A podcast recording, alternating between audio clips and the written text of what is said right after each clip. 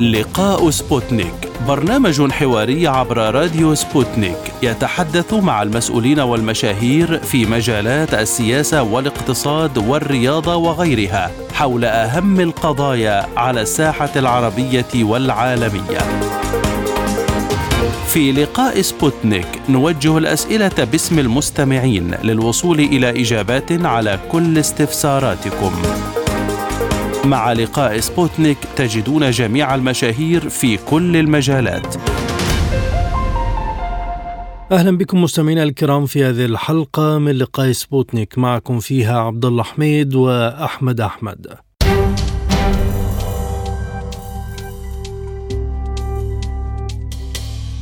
استنكر رئيس بعثة الأمم المتحدة في السودان فولكر بيرتس تجاهل قوانين الحرب وقواعدها في الصراع الدائري بالسودان منذ 12 يوما وشهد استهداف مدنيين ومستشفيات. وقال بيرتس أمام مجلس الأمن الدولي إنه لا يوجد ما يشير إلى استعداد القوتين العسكريتين المتناحرتين في البلاد للتفاوض مع بعضهما مع استمرار القتال على الرغم من هدنة الثلاثة أيام التي بدأت في الساعات الأولى من يوم الثلاثاء. وأضاف أنه على اتصال منتظم مع القائدين المتناحرين اللذين يقاتلان من أجل السيطرة على الدولة مشيرا إلى أن الطرفين ما زالا مقتنعين بأن تأمين نصر عسكري على الآخر ممكن وأن أي منهما غير مستعد للتفاوض بجدية. هذا ودفعت المعارك المتواصلة بين الجيش وقوات الدعم السريع الكثير من الدول إلى تكثيف جهودها لإجلاء رعاياها أو أفراد بعثات دبلوماسية برا وبحرا وجوا كما تسببت المعارك الواقعة منذ الخامس عشر من أبريل نيسان بين الجيش وقوات الدعم السريع وفق تقرير لمنظمة الصحة العالمية عن مقتل أكثر من 420 شخصا وإصابة 3700 آخرين بينهم عمال إغاثة ودفعت عشرات الآلاف إلى النزوح من مناطق مناطق الاشتباكات نحو ولايات أخرى أو في اتجاه تشاد ومصر.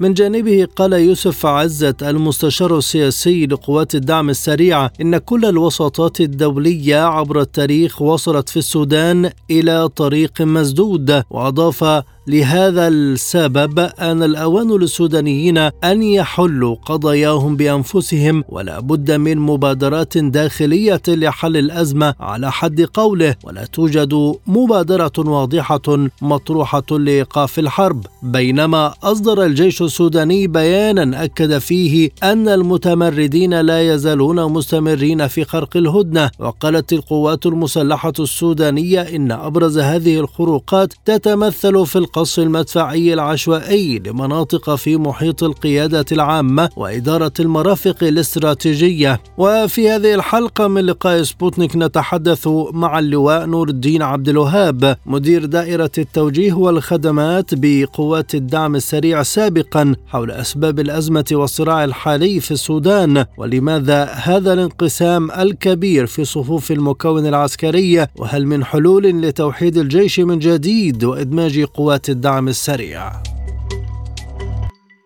اللواء نور الدين عبد الوهاب نرحب بك في هذه الحلقة من لقاء سبوتنيك. وبداية كيف تقيمون الهدنة القائمة في السودان رغم ما تم نشره من وجود خروقات؟ الهدنة القائمة الآن في السودان هي هشة جدا ولم تصمد يعني إلا لساعات قليلة وسرعان ما بدأت الاختراقات. من هنا وهنالك ذلك لأسباب عدة يعني. ذلك لأسباب عدة يعني. عشان كده الهدنه الآن هشة وتم اختراق الآن. الآن القصف متبادل.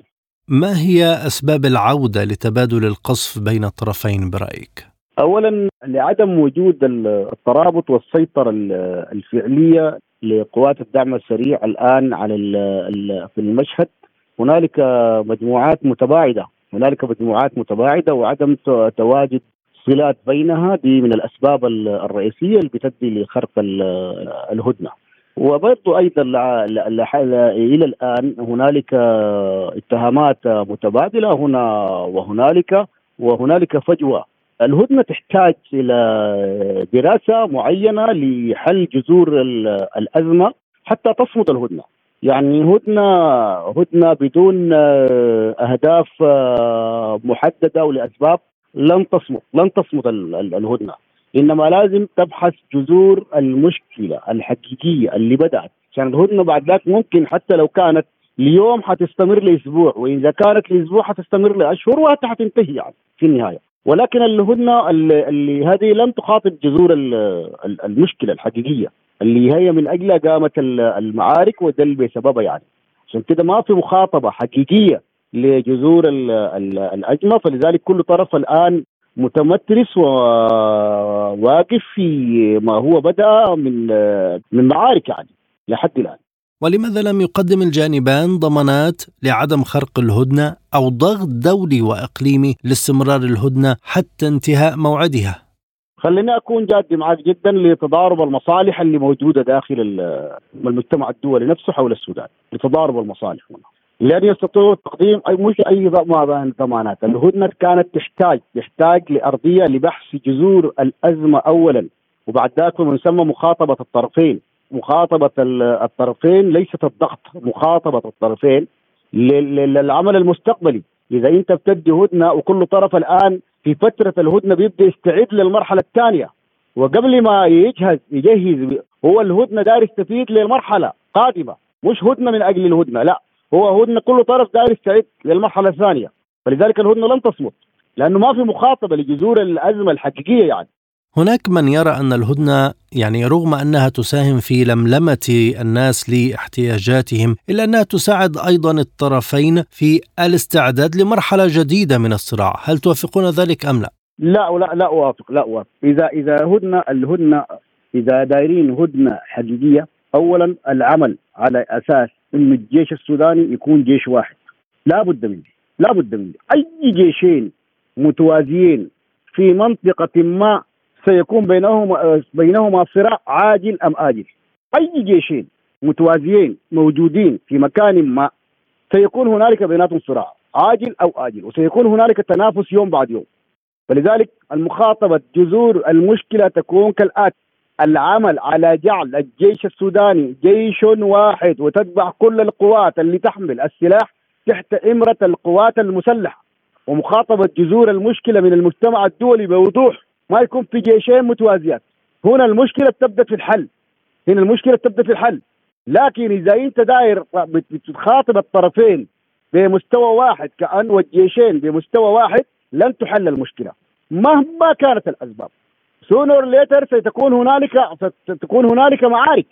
أصلا ما بتنتهي. لازم مخاطبة جذور المشكلة أول والعمل على التهدئة والعمل في المستقبل للضغط من المجتمع الدولي حتى يكون الجيش السوداني جيش واحد جيش مؤهل يفرض سيطرته على كل البلاد. بعد ذاك ال ال الوسائل والحاجات الثانية دي الناس بيقعدوا عليها بيتفقوا عليها. لكن وجود جيشين وجود رأسين موجودين لأي فترة من الفترات سيؤدي إلى معارك أشد. لكن قوات الدعم السريع هل توافق على أي خطوة تجعلها تنضوي تحت لواء الجيش؟ وهي كانت نقطة الخلاف التي أشعلت الصراع بينهما في الأساس؟ هذا لا بد منه. ما في دولة محترمة في العالم بيكون عندها جيشين متوازيين. أصلا ما في دولة حتقبل بالكلام ده. أصلا ما في دولة حتبقى. ده جوهر خلاف. ده جوهر خلاف. جوهر خلاف كبير جدا جدا. لا بد من جيشين. طريقة هيكلتها طريقة تبعيتها طريقة حاجاتها دي اللي افترض التفاوض يكون حولها.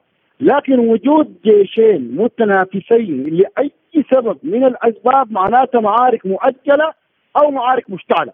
طيب سيادة اللواء على جانب آخر يعني كيف ترى القصف الجاري على المستشفيات ومنازل المدنيين في كل أرجاء السودان نتيجة هذا الصراع؟ والله هذا أمر مؤسف جدا والآن مش قصف المستشفيات. لسه المستشفيات طلعت خارج الخدمة. المستشفيات طلعت خارج الخدمة والآن الشعب السوداني يعاني معاناة أصلا كان يعاني. وهذه الحرب يعني آه، اضافت المعاناة على المعاناة. الخدمات الضرورية من الصحة ما موجودة خالص خالص. والآن انقطاع التيار الكهربائي في كثير جدا من المواقع. والآن آه، تشريد أسر خارج بيوتها والآن إطلاق سراح أكثر من 6000 سجين مرتكبي إجرام، هذا الإجرام موجود في كل دول العالم في كل حتة. لكن الآن تم إطلاق سراحهم. الآن يمارسون النهب بصورة نهمة جدا. وتخريب ممنهج للبيوت وتخريب ممنهج للمرافق الاستراتيجية. والآن الوضع صعب. الآن الوضع صعب جدا جدا. وهل يمكن أن تعود الأوضاع الأمنية للسيطرة عليها من الجيش والشرطة بعدما طرأ عليها من آه، وقائع جديدة إضافة لهروب جماعي كبير من السجون؟ ممكن آه، السيطرة. ممكن بمجرد وقف إطلاق النار ممكن السيطرة. لأنه الآن الشرطة كخدمة خارج النطاق الآن، الشرطة الآن ما دخل الخدمة خالص. الشرطة ومصلحة السجون الآن خارج الخدمة. هذا العقد المشهد وده ما في شرطة ما بتقدر تخش الآن في ظل آه، معارك بأسلحة ثقيلة وقصف متبادل الشرطة بتكون معرضة للخطر كالمواطنين يعني دي ان شاء الله نتوقع نتوقع إن شاء الله آه، بإذن الله سبحانه وتعالى لغاية الأسبوع المقبل بدايته كده إن شاء الله تكون الأمور أفضل أفضل إن شاء الله. لأن لكل حرب نهاية في النهاية لكل حرب نهاية.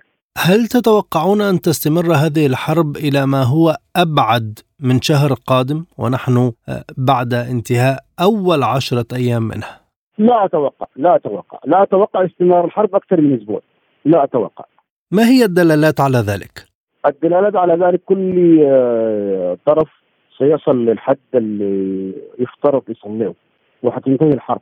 يعني الآن إن شاء الله أقل من أسبوع أتوقع أسبوع أو أقل من كده الحرب تنحسر. الآن بدأت تنحسر. الآن الحرب بدأت تنحسر. محصورة الآن الحرب في حتات معينة في مناطق بسيطة ما زي اول يعني السبت ما زي الأحد الأحد ما زي الاثنين الاثنين ما زي الثلاثة الثلاثة ما زي الأربع. وكل يوم الحرب ماشية منحسرة بصورة واضحة جدا وجلية خالص خالص. حتى أصوات الغزايف وأصوات المغزوفات والتبادل كلها ماشية قال يوم بعد يوم. وتوقع إن شاء الله أسبوع أو أقل من أسبوع تنتهي الحرب بإذن الله سبحانه وتعالى ويبدأ إن شاء الله آه، الإصلاح إن شاء الله. هل أفهم من حديثكم أن كلا الجانبين آه، لا يملك أدوات تجعله يخرج منتصرا من هذه المعركة؟ هو بالتأكيد الجيش جيش آه، السودان يعني حتكون عنده الغلبة لأنه هو يتحكم الآن في سلاح الجو يعني الجيش قوات الدعم السريع أصلا هو انشاء قبيل تم انشاء كقوة مساندة للجيش وكانت تدعم بواسطة جهاز المخابرات الوطني بواسطة المعلومات الدقيقة وبواسطة الطيران والمدفعية والمدرعات في معاركه التي كان يخوضها آه، أيام الحركات المتمردة يعني.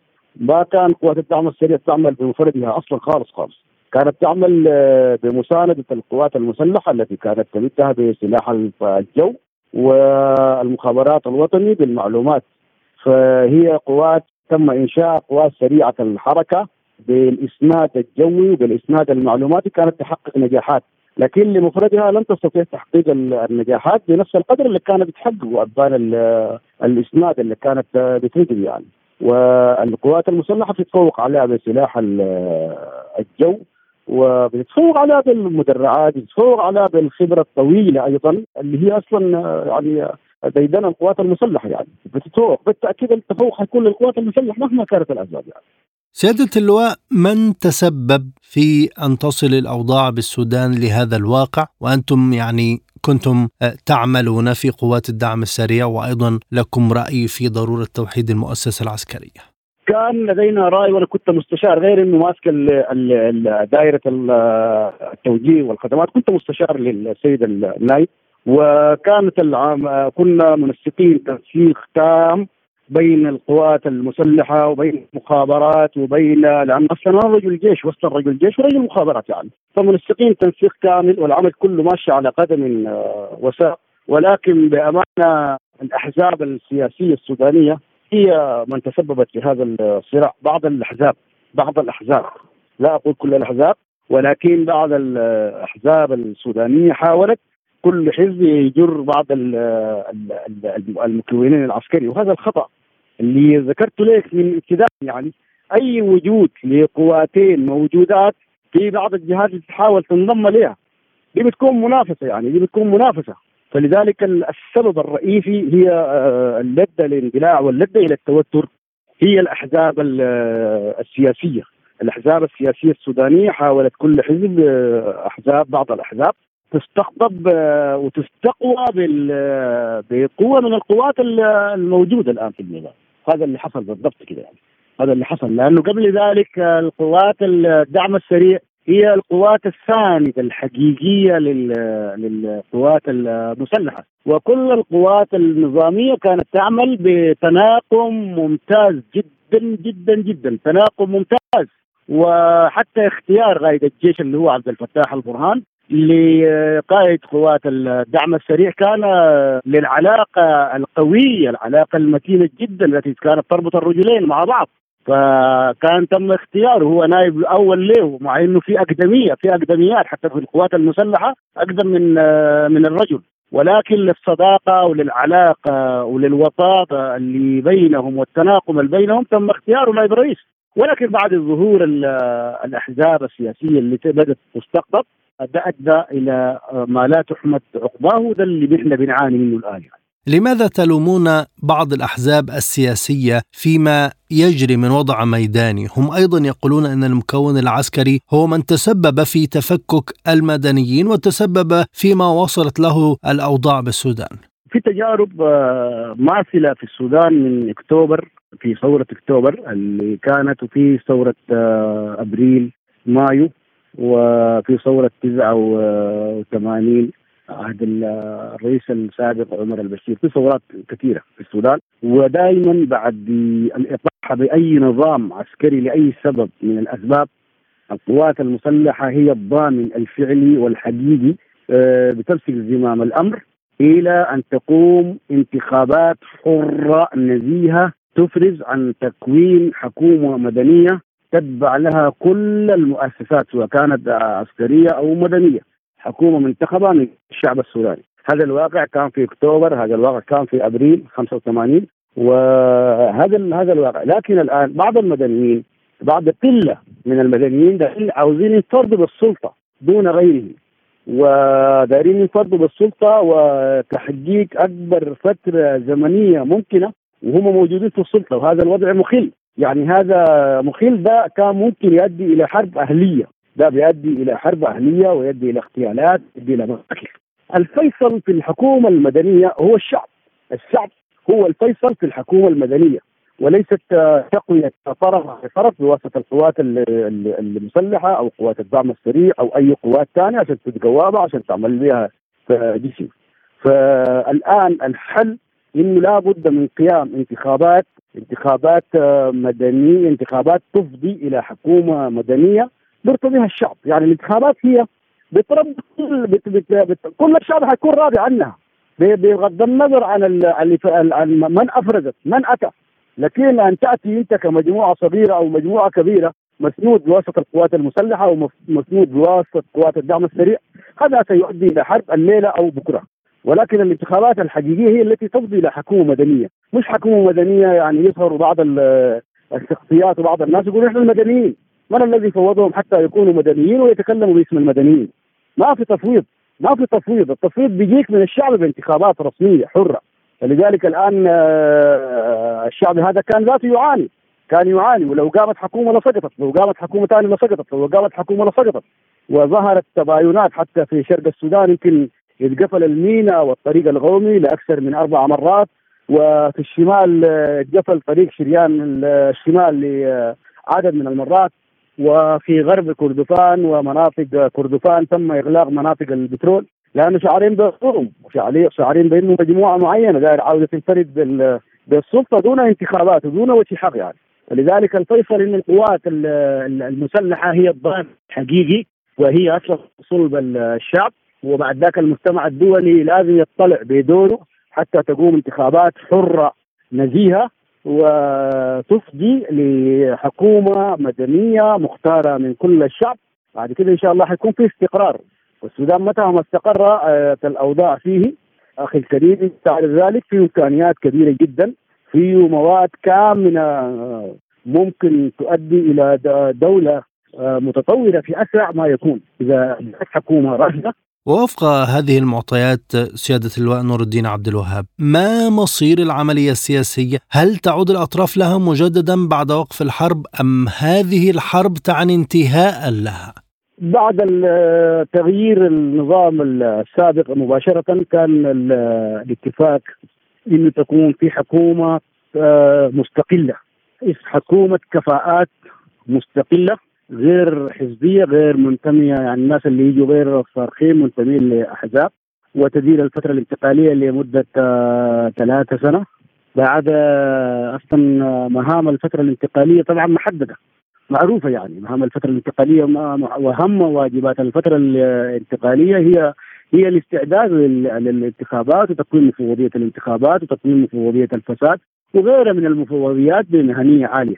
وده ما تم ما تم للأسف الشديد بسبب تناحر الأحزاب والصراع آه، صراع شخصي ما صراع من أجل تقدم وتطور السودان. الأحزاب اللي كانت كلها متناحرة وحتى حتى الأشخاص اللي عاملين بيمثلوا الاحزاب هم هم يعني يسعون لحظوظ النفس أكثر حتى من حظوظ أحزابهم التي ينتمون إليها مع إنه بندعي للأحزاب ونحن كأحزاب حتى لا ولكن حظوظ آه، النفس هذا ما لمسناه وهذا ما عايشناه. وكانت لنا معهم مساجلات كثيرة جدا من أجل أن أن يكون السودان والنظرة تكون نظرة للوطن أكثر من تكون نظرة لحظ آه، نفس أو حظ ذاتي ضيق جدا يعني. نعم في ملف آخر أيضا يعني هناك الكثير من الوسطاء يحاولون الجمع بين الطرفين للقاء والتشاور. هل هناك أي نجاح في هذا الشأن؟ ومن هو الوسيط الذي يمكن أن يكون مقبولا لدى الطرفين؟ السودان كدولة آه، تربط علاقات آه، وطيدة جدا بعدد آه، من الدول. والكويس يعني السودان ما محور ما محور لأي من المحاور اللي موجودة.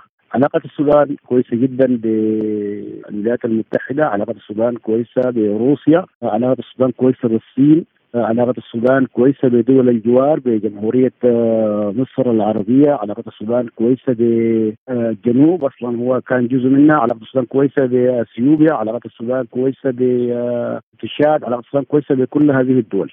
والدولة اللي ممكن تلعب دور أساسي ودور محوري بأمانة هي جمهورية مصر العربية. جمهورية مصر العربية لا هي ذات التأثير القوي. كذلك الأمارات والسعودية أيضا. لكن مصر هي الدولة اللي يمكن تلعب دور ومعظم السودانيين يكونوا لجمهورية مصر العربية صراحة ود وحب. حتى يعني في هذه الأزمة كل السودانيين يعني دائما إذا ضاقت بهم الأسباب وحصلت أي شيء فدائما يلجؤون إلى مصر. ولأن العلاقات السودانية المصرية علاقات أسرية يعني وفي أسر ممتدة بين السودان ومصر. فلذلك القبول مصر يكون هو الأقرب مع مع الدول دي كلها التي ذكرتها يعني. شكرا جزيلا لك سيادة اللواء نور الدين عبد الوهاب مدير دائرة التوجيه والخدمات بقوات الدعم السريع سابقا. كنت معنا ضيفا كريما من الخرطوم. شكرا لك بارك الله فيك. الآن مستمعينا الكرام إلى فقرة أخرى من لقاء سبوتنيك ولكن مع الزميل أحمد أحمد. أهلا بكم في هذه الحلقة مرة أخرى. مستمعينا الكرام ونواصل فقرات لقاء سبوتنيك.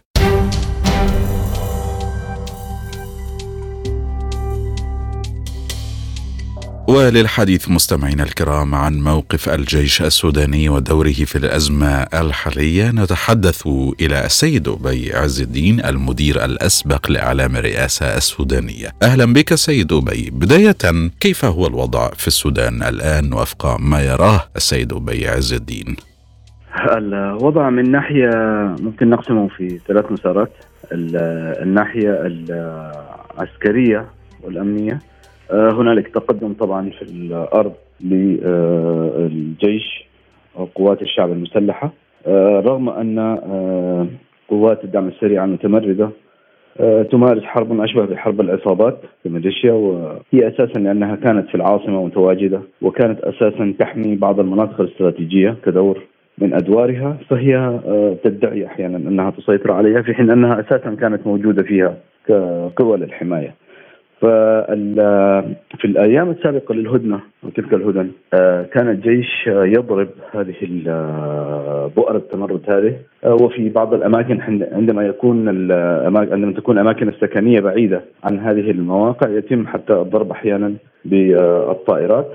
خصوصا أن لدى آه، هذه الميليشيات الآن مضادات الطائرات وغيرها من الأسلحة الثقيلة. فالآن الوضع أفضل طبعا بالنسبة للمؤسسة العسكرية النظامية الجيش. من ناحية آه، سياسية هنالك آه، ينبغي أن يتم دراسة آه، سبب الحرب لأن سبب الحرب أساسا هذه سياسي لأنه كان حميدتي وقوات الدعم السريع تعمل بصورة جيدة وممتازة وتنسق مع مكونات حفظ الأمن في الدولة بصورة سلسة طوال سنين آه، ربما عشرة سنوات ما يقارب عشرة سنوات. آه، ولكن عندما آه، حدث ما يسمى بالوثيقة الدستورية في عام 2019 قامت ما تسمى بقوى الحرية والتغيير بإعطاء قوات الدعم السريع وضعا مختلفا تماما. أعطتها وضعا سياسيا جاءت بقائد هذه القوات كنائب للرئيس عبد البرهان وهو وضع شاذ وغريب ولم يعرف الناس سبب ذلك إلا مؤخرا عندما جاءوا بفكرة أخرى آه، بعد الوثيقة الدستورية وهي ما يسمى بالاتفاق الإطاري الذي فرضته بعثة اليونيتامس آه، التابعه للأمم المتحدة في السودان فرضته على المشهد السياسي ووجدت بعض الأحزاب قلة من الأحزاب السياسيه خصوصا من مجموعة قوى الحرية والتغيير كمنفذة لهذا المشروع وتلك الأجندة التي نعتبرها أجندة استعمارية. آه، في ذلك الوقت آه، كان كانت هذه المجموعة من قوى الحرية والتغيير تمارس الإقصاء ضد الجميع ضد الجميع فقامت مجموعة منهم تسمى الكتلة الديمقراطية بالإجتماع في القاهرة آه، تحت رعاية أو تحت تيسير السلطات المصريه التي رحبت باجتماعهم في القاهره بعيدا عن الضغوطات التي تعرضوا لها في السودان. ووضح من اجتماعهم هنا لمدة أسبوع أو أكثر ان أنهم هم آه، أغلبية مقابل آه، تلك المجموعة التي تجتمع في السودان مع فولكر بيرتس رئيس بعثه اليونيتامز وخرجوا برؤى أخرى. في ذلك الوقت آه، أو في تلك الأثناء كان كانت مجموعة الحرية والتغيير في السودان تبحث عن كرت للضغط على الآخرين. كي تمرر أجندتها وتمرر ما يسمى بالاتفاق الإطاري وهو اس المشكلة. آه، فقامت بالاتفاق مع حميدتي والتحالف معه آه، على أساس أنه يكون لديه دور أكبر حتى من الذي أعطوه له في الوثيقة آه، الدستورية الأولى. بدل أن يتم دمج هذه القوات مباشرة وإعادتها لوضعها الأول ضمن قوات الجيش. فكان هنالك مصلحة متبادلة بين الطرفين بين مجموعة ضيقة من الحرية والتغيير وبين قوات الدعم السريع وحميدتي وشقيقه وهو نائب لقوات الدعم السريع. فبالتالي حصلت هذه الاستقطابات الحادة. الآن بعد هذه المعارك ينبغي دراسة الأمر لأن هنالك جهات من قوى الحرية والتغيير آه هذا الأمر لا تحسبه بحسابات وطنية ولكن تحسبه فقط بحسابات المكسب والخسارة الحزبية لها، لأنهم الآن فقدوا أو سيفقدون آه، أقوى كرت للضغط لديهم. آه، بالنسبة للوضع في السودان من ناحية آه، إنسانية نأتي إلى هذه النقطة كذلك. فالوضع طبعا متدهور جدا في الخرطوم تحديدا أكثر من غيرها لأن الصراع أساسا في ولاية الخرطوم أو في العاصمة بصورة أدق العاصمة المثلثة. آه ولكن الولايات الأخرى آه وضعها أفضل. لكن وضع الولايات الأخرى أفضل من عدة نواحي آه منها أنها جاهزة أو مهيئة لمثل هذه الأوضاع يعني أوضاع الحرب. خصوصا الولايات الطرفية في الجنوب في اقصد جنوب كردفان وجبال النوبة وفي الغرب كذلك في ولايات دارفور. آه، حتى الشرق يعني من ناحية يعني بصورة أقل آه، رغم أنه آمن يعني حاليا. ولكن المشكلة الأساسية هي في الخرطوم. آه، خصوصا أن غير موضوع أن الصراع أساسا حاليا في الخرطوم أكثر من غيره. النقطة المهمة كذلك هي أن حتى المنظمات التي تساعد في العمل الإنساني آه، أغلب مكاتبها أغلب مكاتبها في الخرطوم هي يعني مكاتب إدارية أما العمل الميداني لها فهو في الولايات الأخرى البعيدة فبالتالي هذه نقطة كذلك آه، تخصم من الوضع الإنساني في ولاية الخرطوم. يعني هذا بصورة عامة هذا شرح بصورة عامة. وبشكل أكثر تحديدا كيف هو وضع العمليات العسكرية في السودان على الأرض في هذه اللحظة بالذات، يعني أين نحن في خضم ما يحدث؟ من يسيطر على ماذا أو خريطة الصراع بين الطرفين، كيف هي؟ هي متغيرة ولكن متغيرة دائما ولكن المواقع الاستراتيجية الأساسية مثل القيادة العامة والقصر الجمهوري والمعسكرات هي بيد قوات الشعب المسلحة. آه، مطار الخرطوم مؤخرا آه، حتى حتى أن ممثل بعثه اليونت أمس اشار لذلك في بيانه يوم أمس أمام مجلس آه، جلسة مجلس الأمن. من ناحية أخرى في بالنسبة للموقف العسكري كل ما تكون هنالك هدنة يتم استغلالها من طرف ميليشيات الدعم السريع في ترتيب أوضاعها على الأرض. وبسبب تقطع وسائل التواصل والاتصال اللوجيستكس على الأرض بينها فإنها تستخدم هذه الهدن كذرائع آه، يعني أنا أعتقد أنها تطيل أمد الحرب. يعني الهدنة نعم نستفيد منها من ناحية إنسانية من ناحية إجلاء لمن يرغب في المغادرة ولكن من ناحية عسكرية هي تطيل أمد الحرب بسبب أنها تعطي الفرصة للمتمردين كي يصلحوا من اوضاعهم ويلتقطوا أنفاسهم. وهل لنا أن نعرف ما الذي بالضبط أشعل فتيل الأزمة هكذا على الأرض خاصة وأنه كان هنالك توافق بين البرهان وحميتي قبل نحو شهر؟ نعم هو المشكلة ليست بداية هو لا يوجد هناك توافق بتلك الصورة يعني آه، رغم أنهما يعملان سويا في مجلس السيادة آه، لكن لا ينبغي النظر إلى إلى الأمر كأنه ما بين حميتي والبرهان هو بين مجموعات من قوى الحرية والتغيير المسيطرة على البرهان وعلى حميدتي التي تعمل معهما طوال الأربع سنوات الماضية.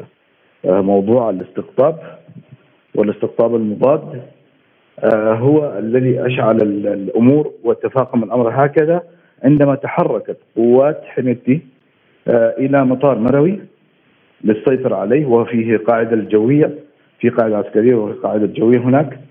عندما ذهبت هناك بدأ بدأت تنتبه الاستخبارات العسكرية للجيش أن هنالك أمر ما لأنها تحركت دون إخطار دون إشارة للقائد الأعلى للقوات المسلحة وذهبت بقوة كبيرة ولوحظ فيها أنها كلها كانت معدة بمضادات الطائرات. كل كل العربات العسكرية المتحركة كلها كانت معدة لهذه المضادات الطائرات مما يعني أنهم كانوا يجهزون لأمر آه، كبير.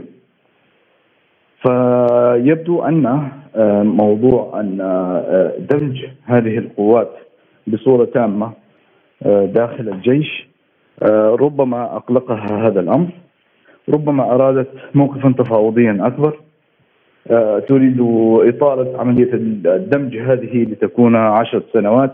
مثلما أن قوى الحرية والتغيير تريد الفترة الانتقالية أن تمتد لتكون عشر سنوات قبل أن تكون هنالك انتخابات هذه من الأسباب التي آه، أدت إلى آه، تسارع الأحداث في الفترة الأخيرة وهل آه، يمكن القول إنه كان هناك تقصير ما من الجيش واستخباراته بمعرفة خطط هذه التحركات للدعم السريع؟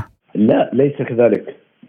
لا ننسى أن قوات الدعم السريع أساسا هي جزء بصورة أو بأخرى هي جزء من الجيش وكانا يعملان سويا لكن كل واحد أدواره آه، كانا يعملان سويا لسنين طويلة. ونائب الرئيس هو قائد هذه القوات العسكرية فبالتالي هم متواجدون في كل مكان في القصر الجمهوري يعني الناس كانوا كتلة واحدة. قبل أن تدخل الفتن السياسية من طرف الحرية والتغيير كما قالوا هم في الأساس كان كان هدفهم إضعاف هذا في البداية. كان هدفهم إضعاف المؤسسة العسكرية والأمنية وكانوا يقولون سوف نفكك هذه المؤسسة صامولة صامولة أو مسمار بمعنى يعني مسمارا مسمارا إذا لم يكن أحد يعرف معنى صامولة. يقصدون سيتم تفكيكها هذه الدرجه وكانوا يعلنون ذلك. وكانوا يستعينون ببعض القوى الغربية الأوروبية في عقد جلسات ولجان ومشاورات حول كيف يمكنهم آه، كمجموعة مدنية صغيره أن تقوم بعملية الإضعاف هذه والتفكيك أو إعادة هيكله أو الإصلاح. كانوا يعطونها عدة مسميات. كان غرضها كلها إضعافها بغرض ان ان أن تكون لديهم يعني أن يكون عملاؤهم موجودون موجودين داخل هذه التكوينات القومية وأن يسيطروا عليها ثم وجدوا ضالتهم في حميتي الذي أخرجوه عن آه، الشرعية وعن المؤسسية وأعطوه آه، يعني بعض الامال السياسية وملأوه بالطموح السياسي كي يكون له دور سياسي في في أكبر من ال الذي ينبغي. فبالتالي هذا هو الأمر يعني. ولماذا لم يحتوي الجيش ما يحدث؟ يعني هل حاول ذلك بالأساس لأن ما رأيناه ونراه حتى الآن هو التصعيد والتصعيد فقط من قبل الجانبين. آه بالنسبة للجيش كيف يحتوي؟ يعني الجيش حاول وقال لكل للمتمردين آه يعني كرر ذلك حتى البرهان نفسه كرر وقال آه نرحب بأي متمرد يلقي السلاح لينضم للجيش ويتم توزيعه في المكان الذي يناسبه. في أي قوة من من قوات الجيش. وهذه هي يعني لا يوجد أفضل من ذلك بالنسبة لشخص متمرد يمكن أن يحاكم محاكمة عسكرية. أنت تعطيه فرصة أن يلقي السلاح ويأتي ويكون جزء من الجيش بالعفو عنه يعني. لأن هذا تمرد عسكري داخل الجيش. هذا ليس امرا مدنيا يعني أمر خطير يعني. التمرد العسكري معروف في كل دول العالم. ما هي عقوبته يعني بعد المحاكمات العسكرية؟ فهذه هي محاولة الاحتواء. والآن سيد أبي ماذا يريد الجيش بالفعل وكيف يخطط لما يحدث وسيحدث؟ الجيش يريد إعادة الاستقرار والأمن للدولة يريد أن يبسط آه، آه، السيطرة على بؤر التمرد يريد أن يعيد الخدمات لخدمات المياه والكهرباء والهاتف والإنترنت. التي قام التمرد بضربها أو السيطره عليها أو منع القوات ومنع المهندسين والعاملين آه، فيها أن يصلوها. يعني هذا يعني الجيش لديه عدة أدوار الآن. يعني بسبب هذا التمرد تعاظمت أدوار الجيش ما بين عسكرية ومدنية. وهل الجيش أيضا قادر على السيطرة على الأوضاع في ظل الصراع وتدهور الأحوال الإنسانية بالأساس؟ هو لابد أن يسيطر في الآخر وإلا سوف ينفرط عقد الدولة. يعني تخيل أن الجيش الرسمي لاي دولة آه، لن ينتصر في مثل هذا النوع من الحروب ضد تمرد أو ضد ميليشيا أصلا. هي أساسا غير مدربة بالطريقة النظامية يعني في الكليات الحربية. يعني الأمر لا يتحمل لا يتحمل أن لا يكسب الجيش هذه المعركة. والحروب يعني دوما هنالك فيها خاسرون آه، دوما هنالك ضحايا. من جميع الأطراف أي تكتيكات على الأرض تطيل أمد هذه الحرب أو تعطي يعني قبلة حياة لهذه الميليشيات آه، بدل أن يتم حل يعني تذويبها داخل الجيش أو القضاء عليها إذا أصرت على موقفها يعني ان أن تزيد الخسائر الإنسانية وتزيد المدة الزمنية التي يأخذها هذا الأمر. فبالتالي ينبغي ينبغي الحسم أو إقناع الحسم بأي طريقة أو إقناع آه، الضغط على على قوات حميتي والجهات السياسية التي وراءه التي تحركه آه، مثل قوى الحرية والتغيير أو بعض الدول يعني آه، هو متقارب في الأشهر الأخيرة منذ العام الماضي متقارب من فرنسا متقارب من أمريكا متقارب معها. مثلا ولديه علاقات جيدة مع آه، بعض دول الخليج. كانوا يتعاملون معه على أساس أنه جهة شرعية. كان يرسلها الرئيس. على هذه الدول أن تضغط عليه على آه، آه، أمريكا وفرنسا وغيرها من الدول الأوروبية التي ترفض وصفه بالمتمرد عليها أن توضح أن تصفه وأن تدين وتستنكر كي لا تعطيه إشارات يعني إيجابية. يعني كمثال ينبغي عليهم أن يحذوا حذو السلطات المصرية أو الإعلام المصري الذي يوضح ويذكر دوما أن هذه ميليشيات فهي الآن فعلا صارت ميليشيات متمردة لم تعد مثل السابق حتى تحالفاتها تحالفاتها الداخلية والخارجية تغيرت منذ منذ فترة ومنذ أن تغيرت ضلت الطريق. وبناء على آمد الصراع هل نستطيع القول إن الجيش قادر عسكريا الآن تماما وهل يريد أي دعم من الخارج؟ أه لا أعتقد أن الجيش يريد دعما من الخارج بمعنى دعما عسكريا.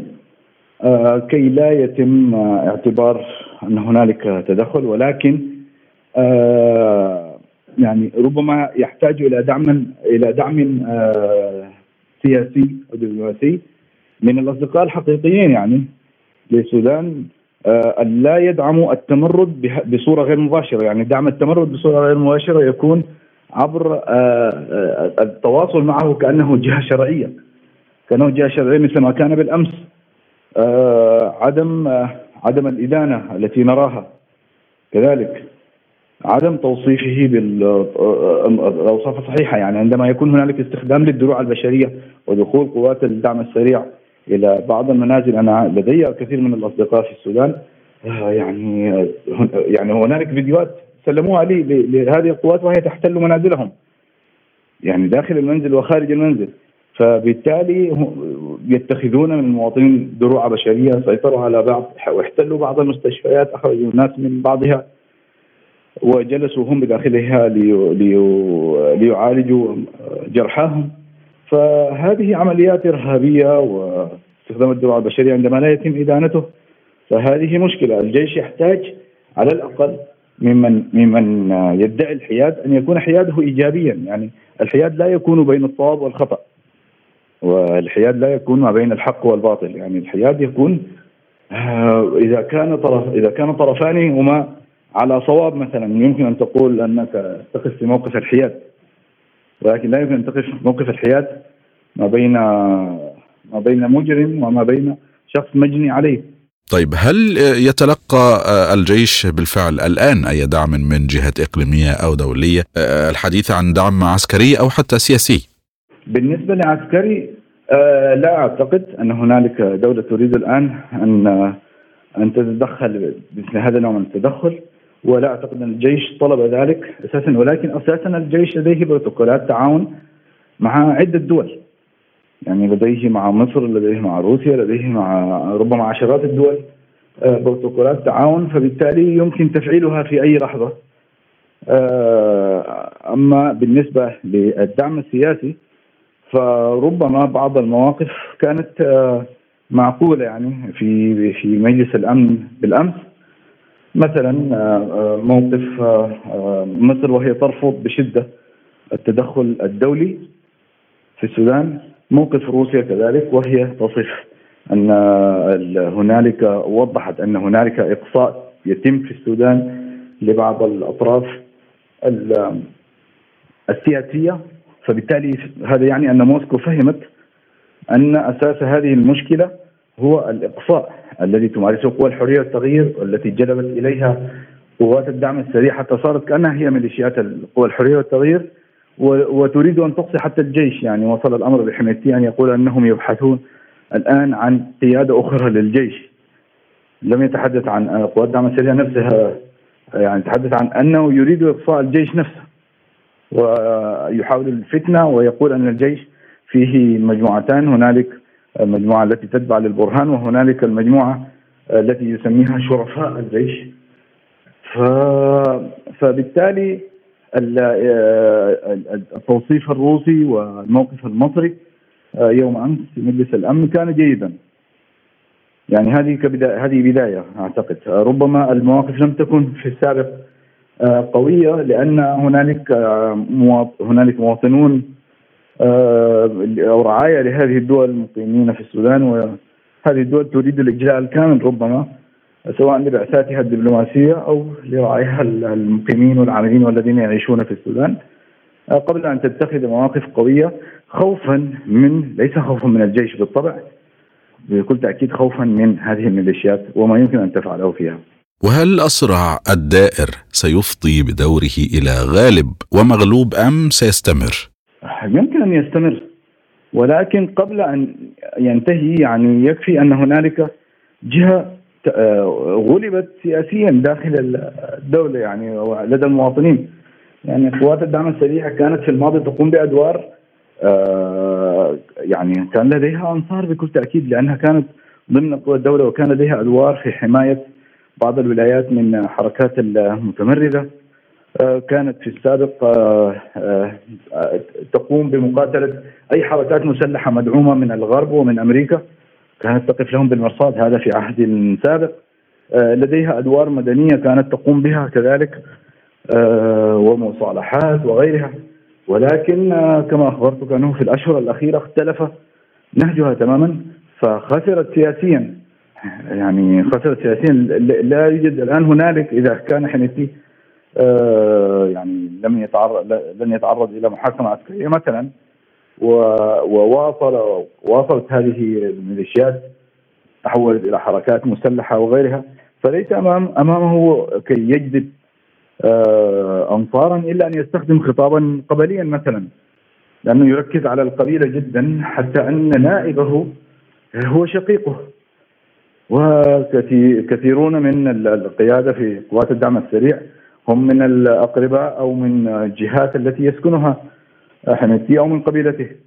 كثير لا أقول كلهم طبعا ولكن في القيادة هم هكذا. يكفي أن القائد ونائبه آه، هما من أسرة واحدة بل شقيقين.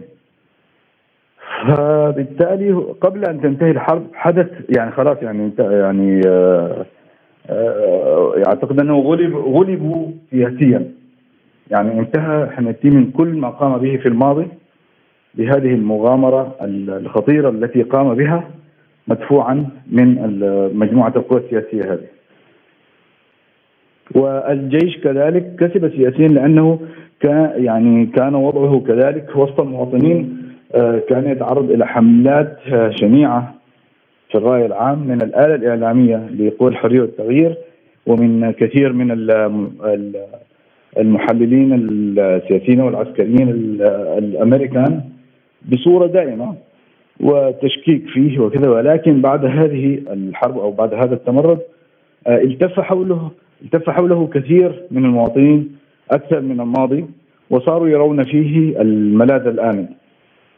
فهنالك قبل أن تنتهي هذه الحرب هنالك متغيرات حدثت فعليا. سيد أبي آه، يعني صديق الأمس الذي آه، أضحى عدو اليوم هل بأي حال من الممكن أن تتحول الأوضاع ويصير وفاق بعد ذلك بين الطرفين آه، بحسب أي سيناريو معين؟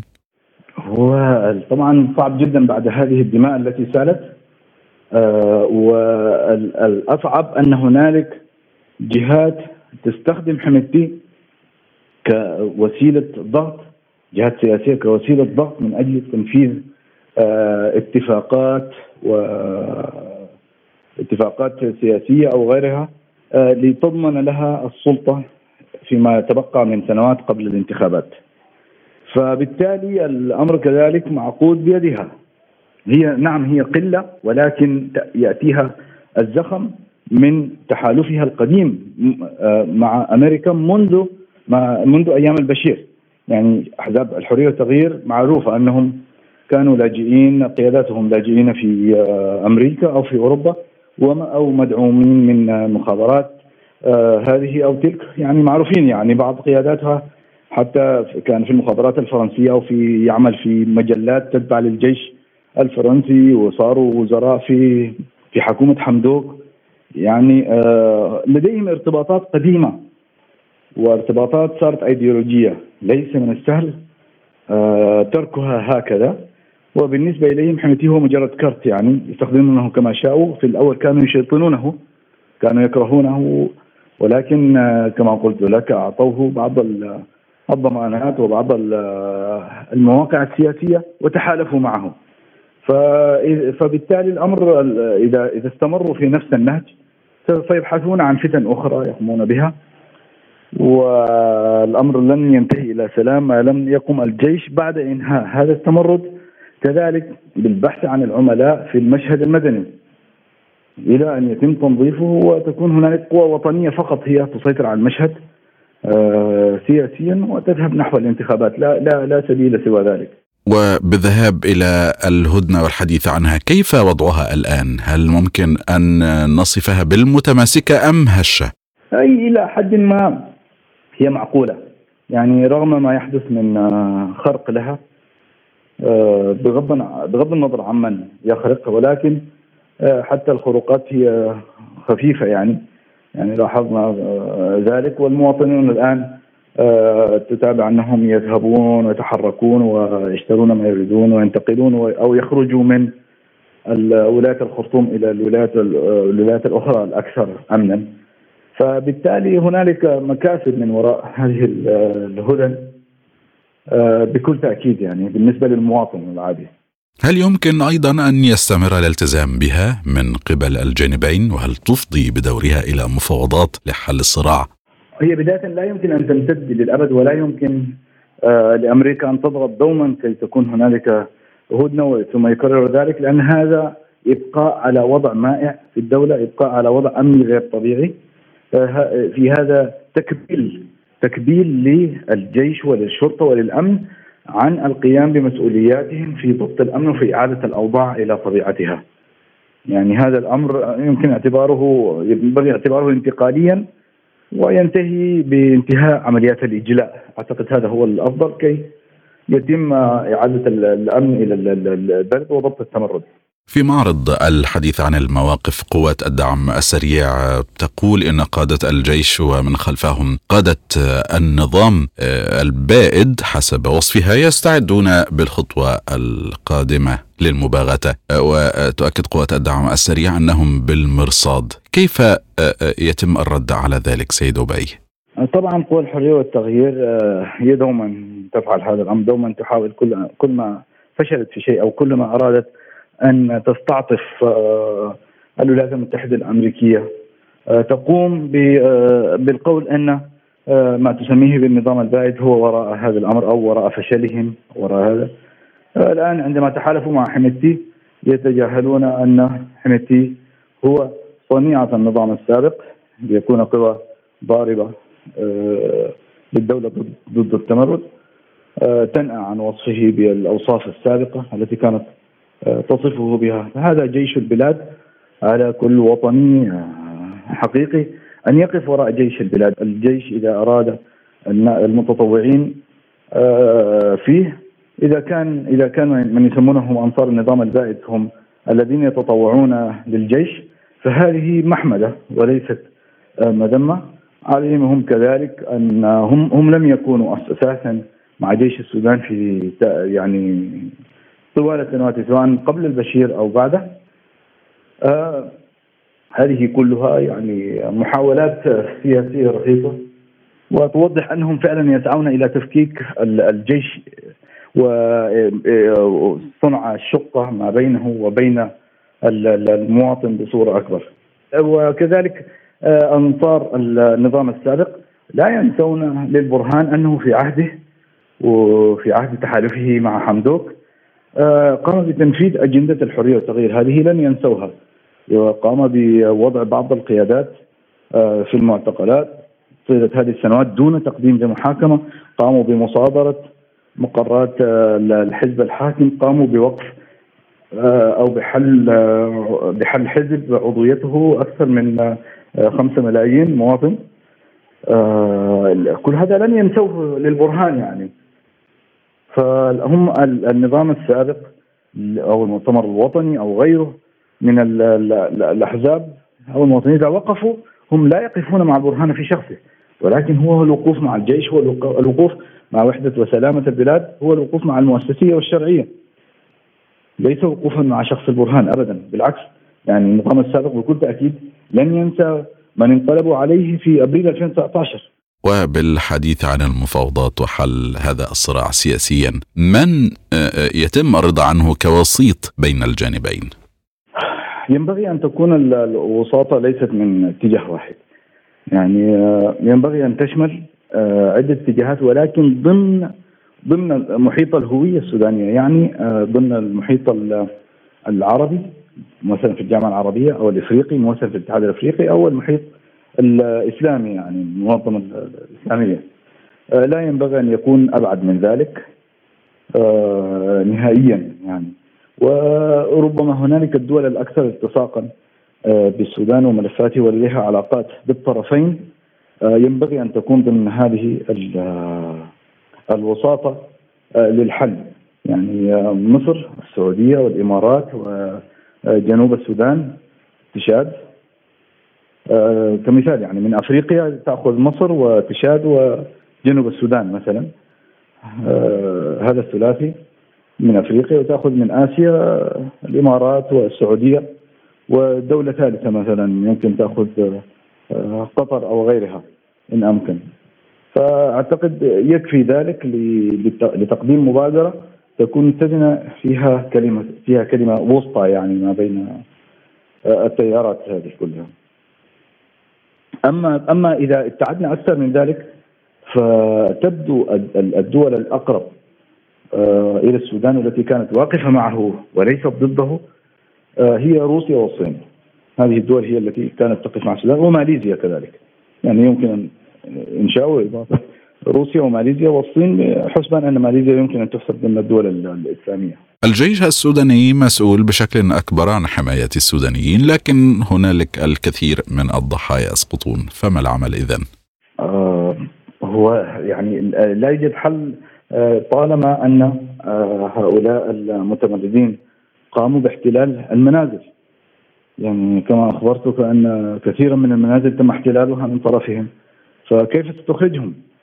يعني يحكي يحكي آه، أحد المواطنين أنه ذهب إلى البيت ووجد قوات الدعم السريع آه، يعني احتلت المنزل احتلت الطابقين وجالس فيه كأنه سكنه عسكريه لهم وقال أنهم لم يتعدوا عليه ولكن طالبوه بالمغادرة وأن يعود لاحقا هو قال أنهم يستخدمون منزله ف فكيف سيقوم بإخراجهم؟ بكل تأكيد لا تستطيع الشرطة أن تتعامل مع مثل هذا النوع من القوات التي تقاتل آه، كأنها في حرب يعني مثل ما هي تقاتل خارج السودان كذلك. تقاتل في أفريقيا في عدة دول تقاتل في آسيا كذلك في دولتين أو على الأقل في دولة واحدة في اليمن مثلا. فهي لن يستطيع أحد ان أن يواجهها ويواجه سلاحها سلاحها المتطور والقوي آه، إلا الجيش. هو الوحيد الذي يستطيع التعامل معها. فبكل أسف يعني آه، هذه ممارسات إرهابية هم عملوها يعني آه، لا لا لا يمكن وصفها بالذكاء ولكن يمكن وصفها بالخبث. فجعلوا لا مجال للتعامل مع الأمر سوى ذلك وإلا وإلا سيستمر المواطن في المعاناة. أيضا هناك عمليات نزوح كبيرة داخليا وخارجيا فكيف آه، يتم التصرف معها من قبل الجيش؟ الجيش عليه مسؤولية كبيرة جدا هنا في تأمين هذا الأمر لأنهم قاموا بالتعدي فعلا. القوات المتمرده قامت بالتعدي على عدة بعثات على عدة وفود على الوفد الكويتي تحدث عن التعدي عليه. آه، قامت آه، قوات التمرد هذه بقتل المساعد الملحق الإداري بالسفاره المصرية بالخرطوم يوم امس آه، تعدت على عدة جهات. فالجيش عليه مسؤولية التأمين آه، ونظرا لأن هذه آه، الأفواج آه، تغادر الخرطوم عبر الطرق السريعة فينبغي على الجيش كذلك أن يستصحب معه الطيران الحربي. ينبغي أن تكون هنالك طلعات جوية تؤمن هذه الطرق السريعة القومية لأنها يعني آه، ليست مئات الكيلومترات فقط. يعني أقرب طريق مثلا ما بين ما بين الخرطوم وبور السودان يقارب الألف كيلومتر. يعني هذا شرقا وهنالك الطريق الجنوبي والشرقي والغربي. فهذه الطرق تحتاج إلى طلعات جوية من الجيش كي يقوم بتأمين آه، سواء النازحين أو الخارجين من أو الخارجين من هذه الولاية أو تلك أو من السودان. في ختام هذا الحوار نتوجه بجزيل الشكر والتقدير إلى الأستاذ أبي عز الدين المدير الأسبق لأعلام الرئاسة السودانية. شكرا جزيلا لك سيدي. والشكر أيضا موصول لحضراتكم مستمعينا الأكارم. وهذا ختام حلقتنا من لقاء سبوتنيك. إلى الملتقى.